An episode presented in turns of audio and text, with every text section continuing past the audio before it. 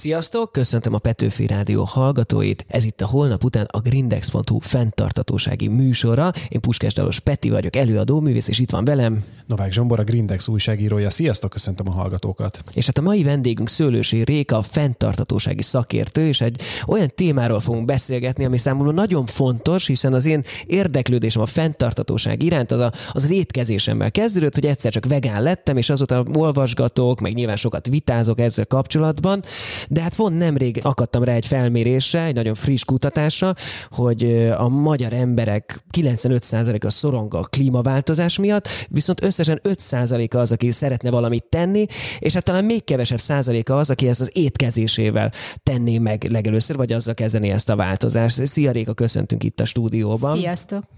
Úgyhogy tegyük egy kicsit helyre ezt a dolgot, hogy, hogy tényleg az étkezésünkkel tudunk-e valamit tenni a klímaváltozás ellen? Jó hír az, hogy igen. Tehát tudunk, tehát hogy nem hiába és, kezdtem ezt és az egy egészet. felméréssel kezdted, én meg rá válaszolnék egy másik felméréssel, amit 2018 óta készítenek az Európai Unióban, és egy nagyon klassz dolog, mert azt mutatja meg, tagországokra lebontva, hogy az saját ökológiai lábnyomunkban, mint átlag emberek vagy fogyasztók, az életünknek melyik területe hány százalékot tesz ki körülbelül. És az a helyzet, hogy ahhoz képest, hogy az étkezésünk önmagában ennek a nagy tortának a 40%-át adja, szerintem nagyon keveset beszélünk róla. Beszélünk elektromos autókról, háztartási gépek energiafogyasztásáról, fűtésről, ugye az idén az energiaárak miatt, de valahogy az étkezés az nem kerül szóba. Pedig Majdnem 40% azért azt mutatja, hogy bizony megint azt mondom, hogy átlagemberként leggyorsabban legtöbbet itt tudnánk tenni azért, hogy fenntarthatóbb legyen az életmódunk. Egészen döbbenetes ez a százalék, tehát rögtön, hogyha így hogyha így, így bele, belecsaptunk a közepébe. Ö, mert igen, én is sokszor azt olvasom, hogy igen, hát jó van, én elektromos autóval járom, és akkor ezzel letudtam a fenntarthatóságot, de ez hogy jön össze, hogy, hogy maga a szállítás, a mezőgazdasági területek, a, a, hogy, hogy honnan jön össze ez a 40 százalék? Az a helyzet, hogy nagyon kevesen tudjuk azt, hogy ahhoz, hogy az emberiség megoldja a klímaválsággal kapcsolatos összes problémát, meg hogy egyáltalán amire szintén szükség van, hogy helyrehozzuk azokat a károkat, amiket eddig tettünk a, környezetünkben, ahhoz muszáj hozzányúlni a globális élelmiszertermeléshez. Mit jelent ez? Azt jelenti, hogy ezt a hatalmas hangyabolyt, amivel tulajdonképpen a Földet, hogyha fölülről megnézzük, minden pillanatban valamilyen élelmiszert a learatnak, szállítanak, feldolgoznak, beraknak a boltba, otthon megfőződ. Ezt az egész nagy, bonyolult rendszert, amit úgy hívunk, hogy élelmiszerrendszert, ezt meg kell változtatni. Most fogyasztóként ugye ez azt jelenti, hogy ahhoz is hozzá kell nyúlni, amit eszünk. Az előállítóknak, a mezőgazdasági termelőknek meg hozzá kell nyúlni ahhoz, amit ők csinálnak. És azért kell hozzányúlni, mert az a szomorú helyzet van, hogy az emberiség az elmúlt 50-60-80 évben olyan gyorsan elkezdett növekedni, és olyan sok élelmiszerre lett hirtelen szükség, hogy a saját csapdánkba estünk, mert nagyon sikeresen megelőztük az éhínségeket, mondjuk az 50-es években ugye annak köszönhetően, hogy új gabonafajtákat nemesítettek ki, újfajta mezőgazdasági módszereket alkalmaztak, ezzel meg lehetett e, előzni egy, azt, hogy csomó ember meghalljon egész egyszer az 50-es, 60-as években.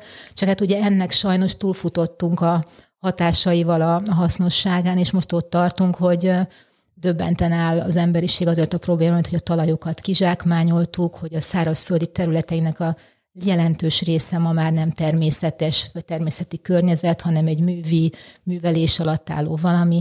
Mindenki hallotta, hogy baj van a biológiai sokféleséggel, hogy nagyon gyorsan pusztulnak ki a fajok.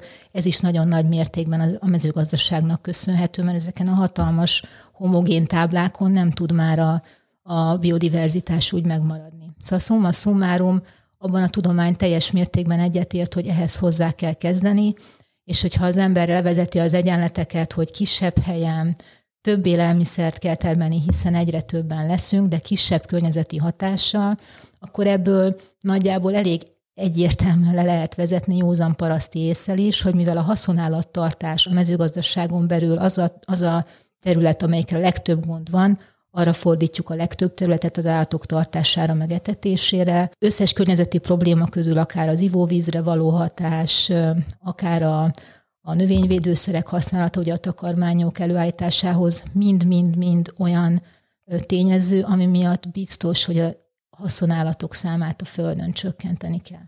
Na most, hogyha csökken az állatok száma, az embereké meg növekszik, akkor ez elég egyértelmű, hogy per fő egyre kevesebbet tudunk már csak emiatt is enni. Úgyhogy ebből pedig az következik, hogy gyakorlatilag nekünk fogyasztóként, ahogy az elején mondtam, ha tenni akarunk a lehető legegyszerűbben azért, hogy a környezetünket védjük, akkor nincs más hátra, mint az állati eredetű élelmiszereknek az arányát a táplálkozásunkba csökkenteni kell. Most elmegyünk egy rövid szünetre, de rengeteg mindent mondtál, és, és azért is örülök, hogy beszélgetünk erről, mert tényleg a táplálkozásunk szerintem a leg a, szerintem a táplálkozásunkat övezi a legtöbb hazugság, és hát bízom benne, hogy ebben a rövid időben azért tudunk tisztázni egy-két dolgot, de hát maradjatok velünk itt a Petőfi Rádión, hiszen hamarosan jövünk vissza holnap után a Grindex fenntartatósági műsorával.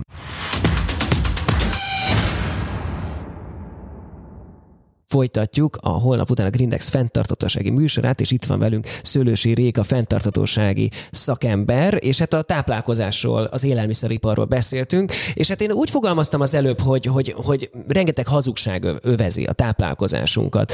De most átfordítanám, hogy igazából nem is hazugság, hanem nem tudásról beszélünk, hiszen nekem van egy kis szőlősöm, és, és, és amikor először lementem oda, akkor jöttem rá, hogy amit én a boltban megveszek, és tök természetesnek tartok, hogy jó, hát veszek egy kis gyümölcsöt, vagy bármit meg tudok vásárolni, az mennyi, mennyi erőforrással, mennyi munkával, és mennyi tudással jár, hogy én akár egy, egy szőlőt le tudjak aztán később szüretelni. Igazam van ebben? Azt gondoljuk, hogy az ember a étkezni mindenki tud, főzni mindenki tud, és ezért élelmiszert gyártani is mindenki tud, és aztán amikor az ember elkezd ezeken gondolkozni, hogy te is, akkor jön rá, hogy tulajdonképpen amit erről kapcsolatban tudunk, azt inkább gondoljuk, mint tudjuk. Tehát, hogy van egy ilyen nagyon erős kulturális, tradicionális, családi, nem tudom, milyen humán tudás bennünk, de valójában nagyon keveset tudunk arról, hogy hogy kerül az étel az asztalra, nem csak a gyümölcs, hanem bármi, amit előállítasz, és az, arról is nagyon keveset tudunk, hogy annak, annak az adott élelmiszernek az előállítása milyen környezeti, társadalmi, uram, bocs, egészségügyi hatásokkal jár. Tehát, hogy ez egy ilyen Szerintem az előttünk álló évtizednek egy nagyon fontos feladata a társadalomban, hogy ugyanúgy, ahogy elkezdtünk mondjuk az energiafelhasználáson gondolkodni, azért, mert most jött egy ilyen sok, vagy elkezd, elkezdtünk a közlekedésen gondolkodni, hogy azért most már egyre többen igyekeznek tömegközlekedni. Az étkezés a következő dosszié, amiben bele kell nyúlni, csak ebbe azért lesz nehezebb, mert ez tényleg mindenki meggyőződése vallja, hogy ő ezt tudja, és a nagyapám, amit csinált, az nagyon jó lesz úgy, és bizony szerintem az életünknek ez a területe lesz az, ahol az elkövetkező tíz évben a legtöbb változás lesz.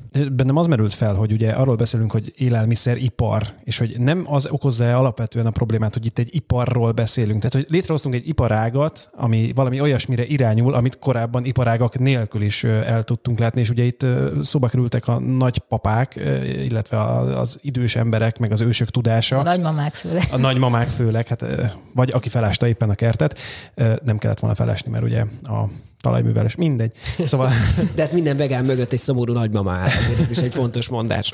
Igen. Szóval csak az jutott eszembe erről, hogy, hogy lehet, hogy inkább más irányba kellene elindulnunk, és egy picit vissza a gyökerekhez, sokkal inkább a helyi mezőgazdaság, a helyi termelés felé elindulni, mert az igazából azok a problémák, amiről beszélünk, az pont az iparszerű mezőgazdaság és az iparszerű élelmiszer termelés okozta.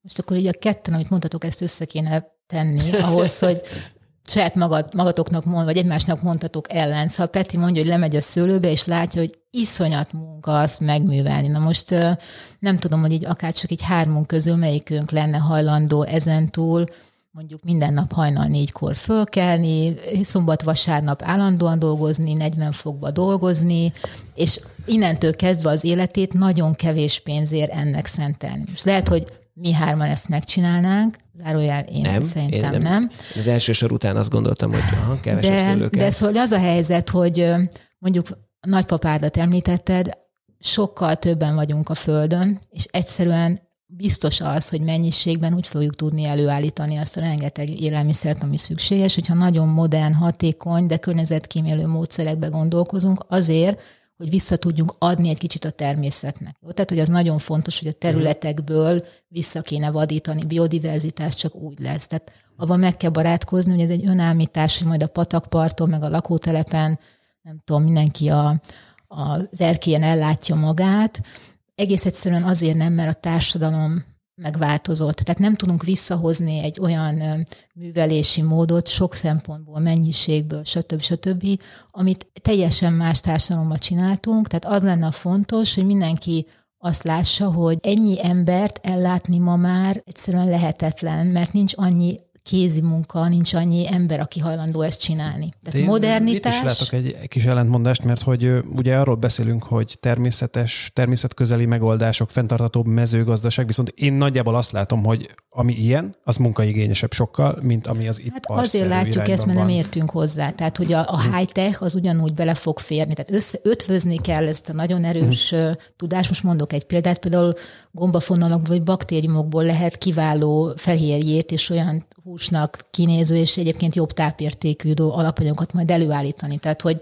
ezt kell látni, hogy, hogy, hogy az innovációnak így lesz szerepe, hogy igenis van olyan módszer, ki tudunk találni, vagyunk olyan okosak, hogy környezetet kíméljük, és mégis legyen mindenkinek mit enni. Tehát alapvetően azt mondod, hogy, hogy könnyen lehet démonizálni egy iparágat, de inkább azt kell megnézni, hogy hogyan lehet ezt az iparágat módosítani, megváltoztatni egy olyan irányba. Mert hogy nélküle nem tudunk elboldogulni. Mert, mert az, az, egy, az, egy, az egy hippi álom, hogy gyakorlatilag én tényleg a kertben majd megtermelek mindent, ami egész évre kell. Jó, most elmenjünk egy rövid szünetre, de akkor beszéljünk ezekről a változásokról majd, hogy mégis akkor milyen módszerekkel tudjuk megváltoztatni ezt az iparágat, és miben tudunk bízni a jövőben. Most elmenjünk egy rövid szünetre, de maradjatok velünk itt a holnap után a Grindex.hu fenntartatósági műsorával.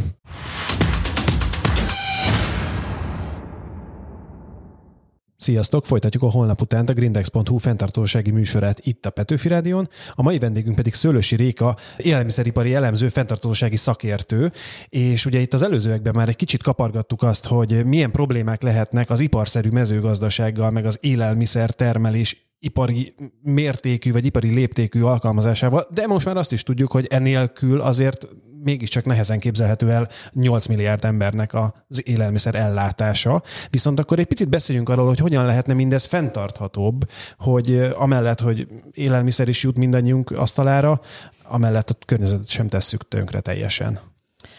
Hogy az elején mondtam, arra van szükség, hogy a rendszernek az összes elemét elkezdjük megváltoztatni, tehát legfölül szükség van olyan szabályozó rendszer, ami arra ösztönzi a mezőgazdaságot, meg az élelmiszer feldolgozó cégeket, hogy minél inkább fenntarthatóan működjenek.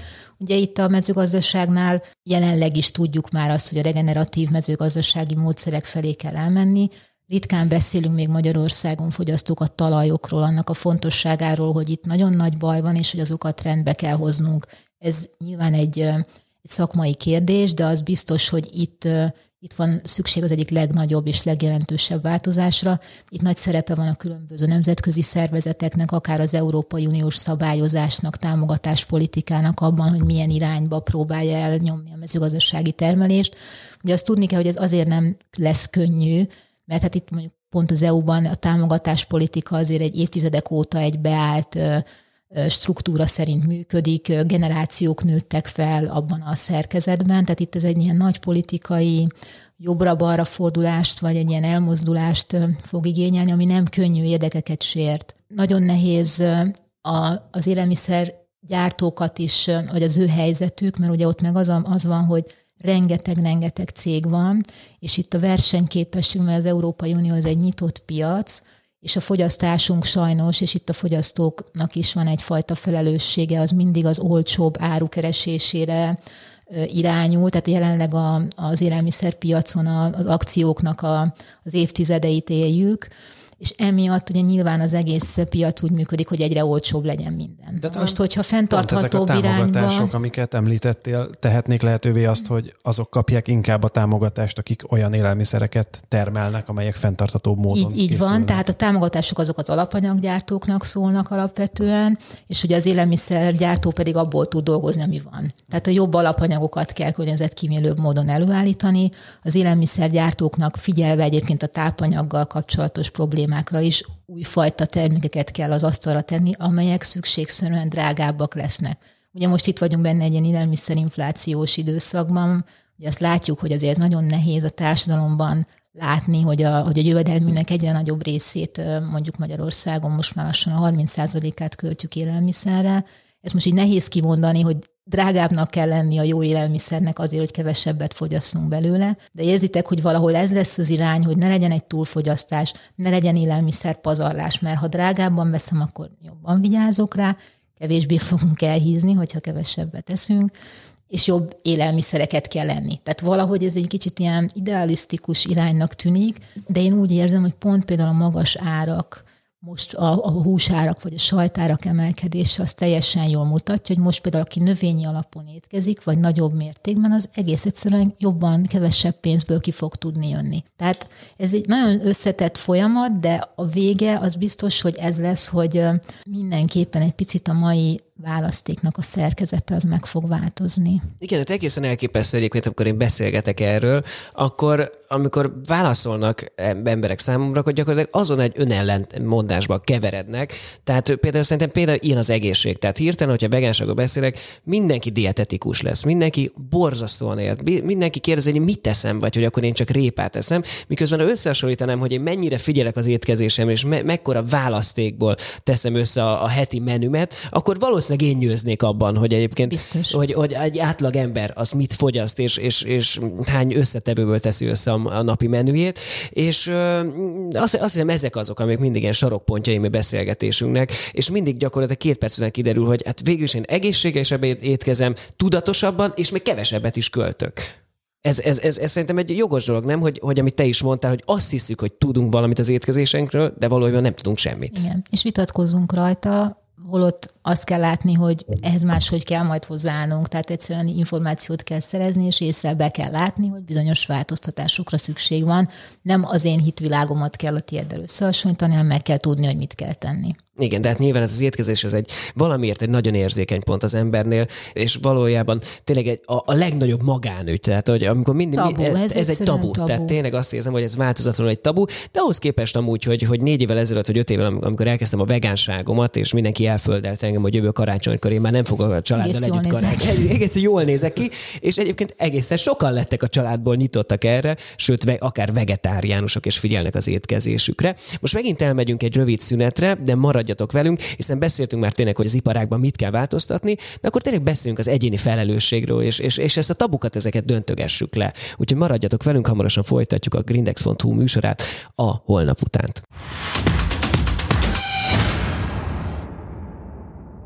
Sziasztok! Folytatjuk a holnap után a grindex.hu fenntartatósági magazinját, és hát változatlan itt van velünk Szőlősi Réka, fenntartatósági szakértő, és hát úgy fejeztem be ezt az egészet, hogy döntögessünk tabukat, és csak egy gyors példát mondanék erre, amikor a ö, felelősségvállalásról beszélünk, hogy én miért lettem vegán, vagy miért gondolkodom a táplálkozással kapcsolatban fenntartatóságról, hogy például mindig ezt a példát hozom fel, hogyha a, az egész környékünkön egy fa van, ami az én kertemben van, ami tiszta levegőt szolgáltat, akkor végül az magánügy, vagy nem magánügy? Akkor végül is, hogyha az én területem van, én kivághatom, mert végül ez az én fám, vagy gondolkodnom kell a közösséggel kapcsolatban, és hogy végül ez az utolsó fa a környékünkön, és egy kicsit azt gondolom, végül a táplálkozás is ilyen, hogy oké, okay, hogy ez, ezt én eszem meg, és én fizetek ezért, de el kell kezdenünk közösségben gondolkodnunk erről, és itt jön képbe az egyéni felelősségvállalás ezzel kapcsolatban. Azért is örülök, hogy ezt mondod, mert én ugye, hogy 0-24-ben ezzel a témával foglalkozom most már évek óta,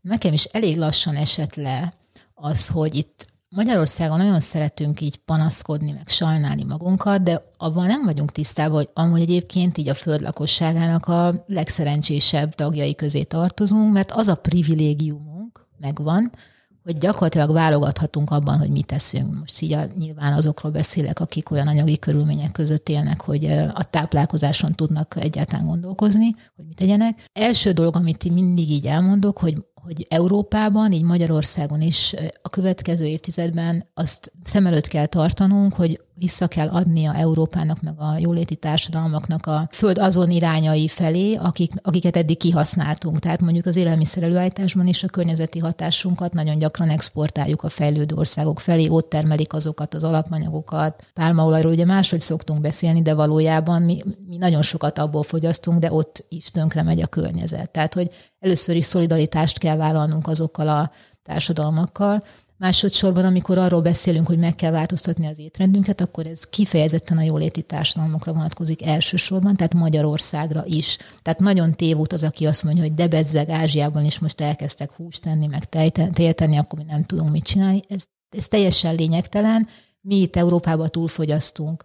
Úgyhogy és akkor, ha megérkezünk Magyarországra, és megnézzük azt, hogy milyen a magyar átlagos étrend, akkor ezt ki kell mondani, hogy mind környezeti, mind egészségi szempontból rendkívül kedvezőtlen. Tehát azt nyugodtan ki lehet mondani, hogy bár van Magyarországon mindenkinek születetten egy fehérje alultápláltsági fóbiája. Ez gyakorlatilag mindenki több fehérjét fogyaszt, most azokról beszél, akik valamennyire normálisan tudnak táplálkozni, tehát eleget esznek, azok általában Magyarországon túl sok fehérjét esznek, és túl sok cukrot, meg sót, ellenben túl kevés rostot és zöldséget gyümölcsöt, hüvelyes növényeket fogyasztunk. Tehát a jó hír az, hogy ha elkezdünk egy fenntarthatóság irányba gondolkodni, tehát kevesebb állati eredetű termék, több növényi, egyben biztosan egészségesebbek is leszünk. És, és ahogy te is mondod, teljesen céltalan ezen vitatkozni, meg a másik embernek a szokásaival foglalkozni.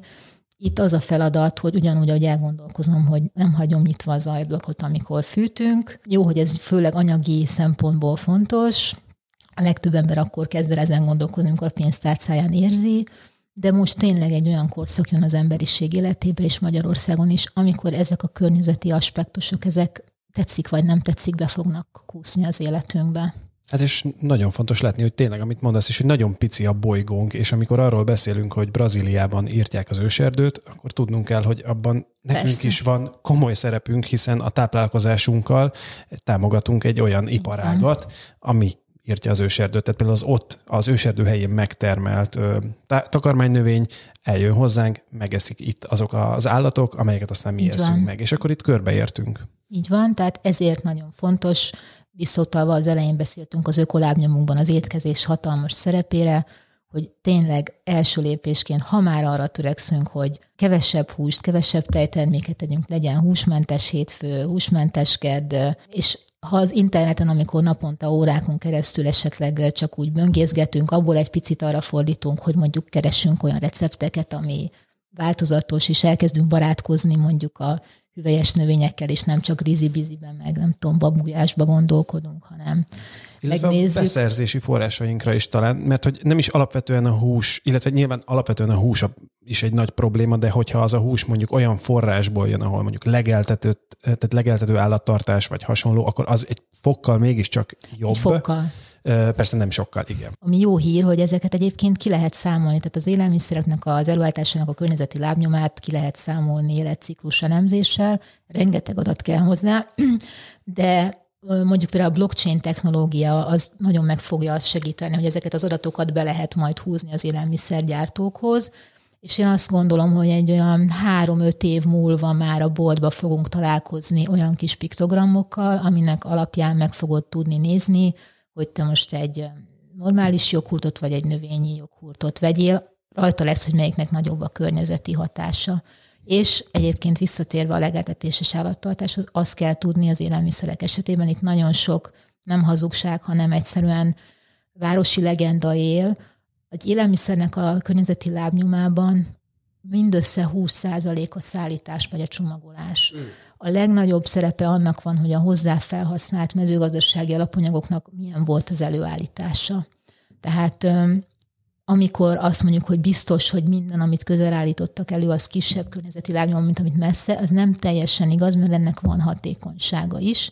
Tehát erre lesznek jók ezek a számítások, mert, mert egész egyszerűen tényleg bár nagyon-nagyon sok adat kell hozzá, és nagyon kell majd ilyen technológiai fejlődéshez, hogy ez tényleg minden élelmiszeren rajta legyen, de mind a jogszabályok, mind a piac arra halad, hogy ez lehet, lehetővé váljék a boltba, mert ez fog igazán segíteni. Most kicsit akkor beletekintettünk a jövő a blockchain által, de akkor még egy utolsó kérdésként, hogy azért én sokat riogatom magamat azzal, hogy végig azért teszem mindezt, hogy, hogy legyen étele és itala az én gyermekemnek, vagy leendő gyermekemnek, hogy azt lehet látni, hogy hogyha rossz irányba mennek a dolgok, akkor mikor szembesülünk mi Európában, vagy akár Magyarországgal azzal, hogy nincs elegendő élelmiszer, és valamit rosszul csináltunk? Szerintem már most is egy bizonyos fokig szembesülünk, tehát hogy ami történik mondjuk az élelmiszerpiacon, az mondjuk nagy asszályoknak is köszönhető. Tehát azt kell látni, hogy ezek az időjárásbeli kilengések tipikusan a mezőgazdasági termelésre hatnak már rögtön elsősorban, és látjuk, hogy ez ilyen zavarokat okoz a piacon, és az a baj, hogy hogy, hogy te mondtad ezt a fá, fával nagyon jó példát, hogy most is az volt, hogy mondjuk az ukrán háborúval mindig azokat fenyegette éhínség, akik Ukrajnából veszik, azok a szegényebb országok, Észak-Afrika a gabonájukat, mert egész egyszerűen nem terem meg. Szóval azt kell látni, hogy ezek már itt vannak, ez egyre gyakoribb lesz, egyre, sok, egyre gyakrabban fogjuk azt hallani, régen csak mondjuk a benzin áremelés miatt lett drágább a kifli, most, most mindig lesz valami. Tehát, hogy ezt mondtam, hogy a követ, erre kell fölkészülni, hogy, hogy egyre többe fognak kerülni az élelmiszerek a jövedelmünkhez képest, és egyre inkább szerintem visszatér az értéke annak, ami, ahogy, ahogy lenni kell, mert, mert egész egyszerűen ez a túlfogyasztás, ez az állandó csosítás, ez nem folytatható tovább. Az biztos, ahogy szintén az elején elmondtuk, hogy hogyha nem nyúlunk hozzá ehhez, ha, ha így megy minden tovább, és görög ez a nagy hólabda előttünk, akkor abból 2050-re nem lesznek másfél fokos klímacélok teljesítve, mm, és még ezernyi dolog van, és hát különösen a, a privilégium, társadalmi privilégiumok kapcsán éleződhet a helyzet, hogy a szegénység még tovább fog nőni, vagy az éhezés a világban, és nyilván ez ellen is nagyon fontos ezt megtenni. Nekünk itt a jóléti társadalomban szerintem kutya kötelességünk a gyerekeink miatt, hogy ehhez, tehát a saját ételünkhöz igenis nyúljunk hozzá, mert nem olyan nagy áldozat. Én is ezt gondolom, hogy egyáltalán nem olyan áldozat. Nagy áldozatnak tűnik, de én, aki... Egy változás, ami mindig nehéz, de 30 nap alatt mindent meg lehet Ezt szokni. akartam mondani, hogy egyébként pár hónap, és, és teljesen át tudja az ember az életét formálni, úgyhogy semmi áldozatot nem, nem is érti, hogy régen mi volt Pontosan, én ezt tapasztaltam. Hát nagyon szépen köszönöm, hogy eljöttél hozzánk, és beszélgettünk erről, és hát remélem sok embernek megváltozott a gondolkodása ezzel kapcsolatban, sőt, akár tényleg tabukat döntögettünk. És hát köszönöm szépen a hallgatóinak, hogy ezen a héten is velünk tartottak. A holnap után a Grindex fenntartatósági műsorával. Jövő héten is újabb érdekes fenntartatósági témákkal érkezünk, addig is kövessetek minket a social media oldalainkon, illetve olvassátok a grindex.hu-t. És hát köszönöm szépen, hogy itt a YouTube csatornánkon is most már hétről hétre követtek minket. Sziasztok! Sziasztok! Sziasztok! Köszönjük szépen, isteni volt! Iskán.